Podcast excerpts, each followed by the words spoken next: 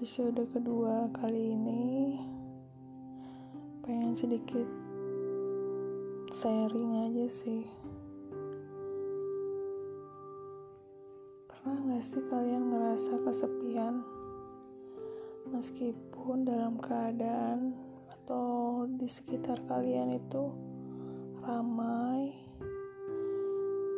atau bisa jadi ngerasa kayak nggak punya temen gitu.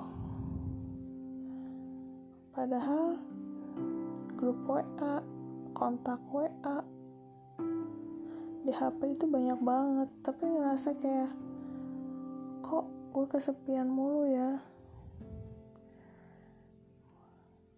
Biasanya kejadian ngerasa kayak gitu tandanya kamu udah jenuh sama rutinitas pertama kedua ngerasa hidup kamu tuh kurang tantangan.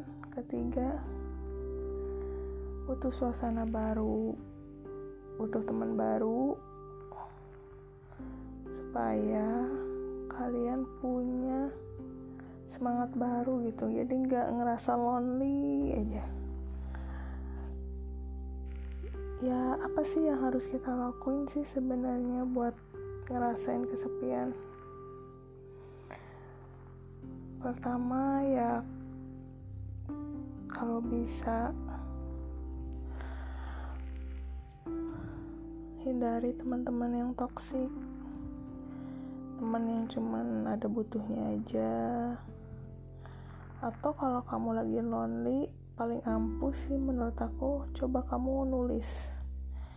Tah kayak nulis di diary gitu deh ya jangan di status juga sih di diary ataupun di note HP tiba-tiba kepikiran apa oh besok gue harus ngelakuin ini ya.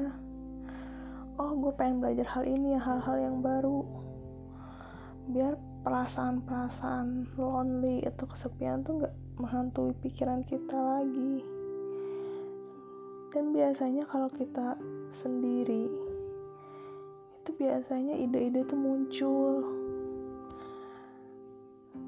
terus yang paling spesifik kesepian itu buat kita belajar mengenal diri. Belajar apa yang menjadi tujuan hidup kita apa yang buat kita bahagia hal apa yang belum kita lakuin yang bisa buat kita lebih semangat dan yang pasti tetap semangat ya teman-teman.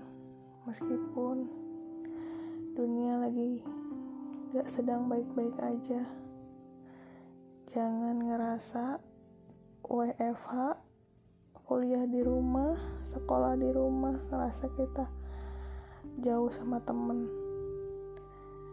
Justru luapkan apa yang menjadi terbaik buat kamu. Semoga bermanfaat ya teman-teman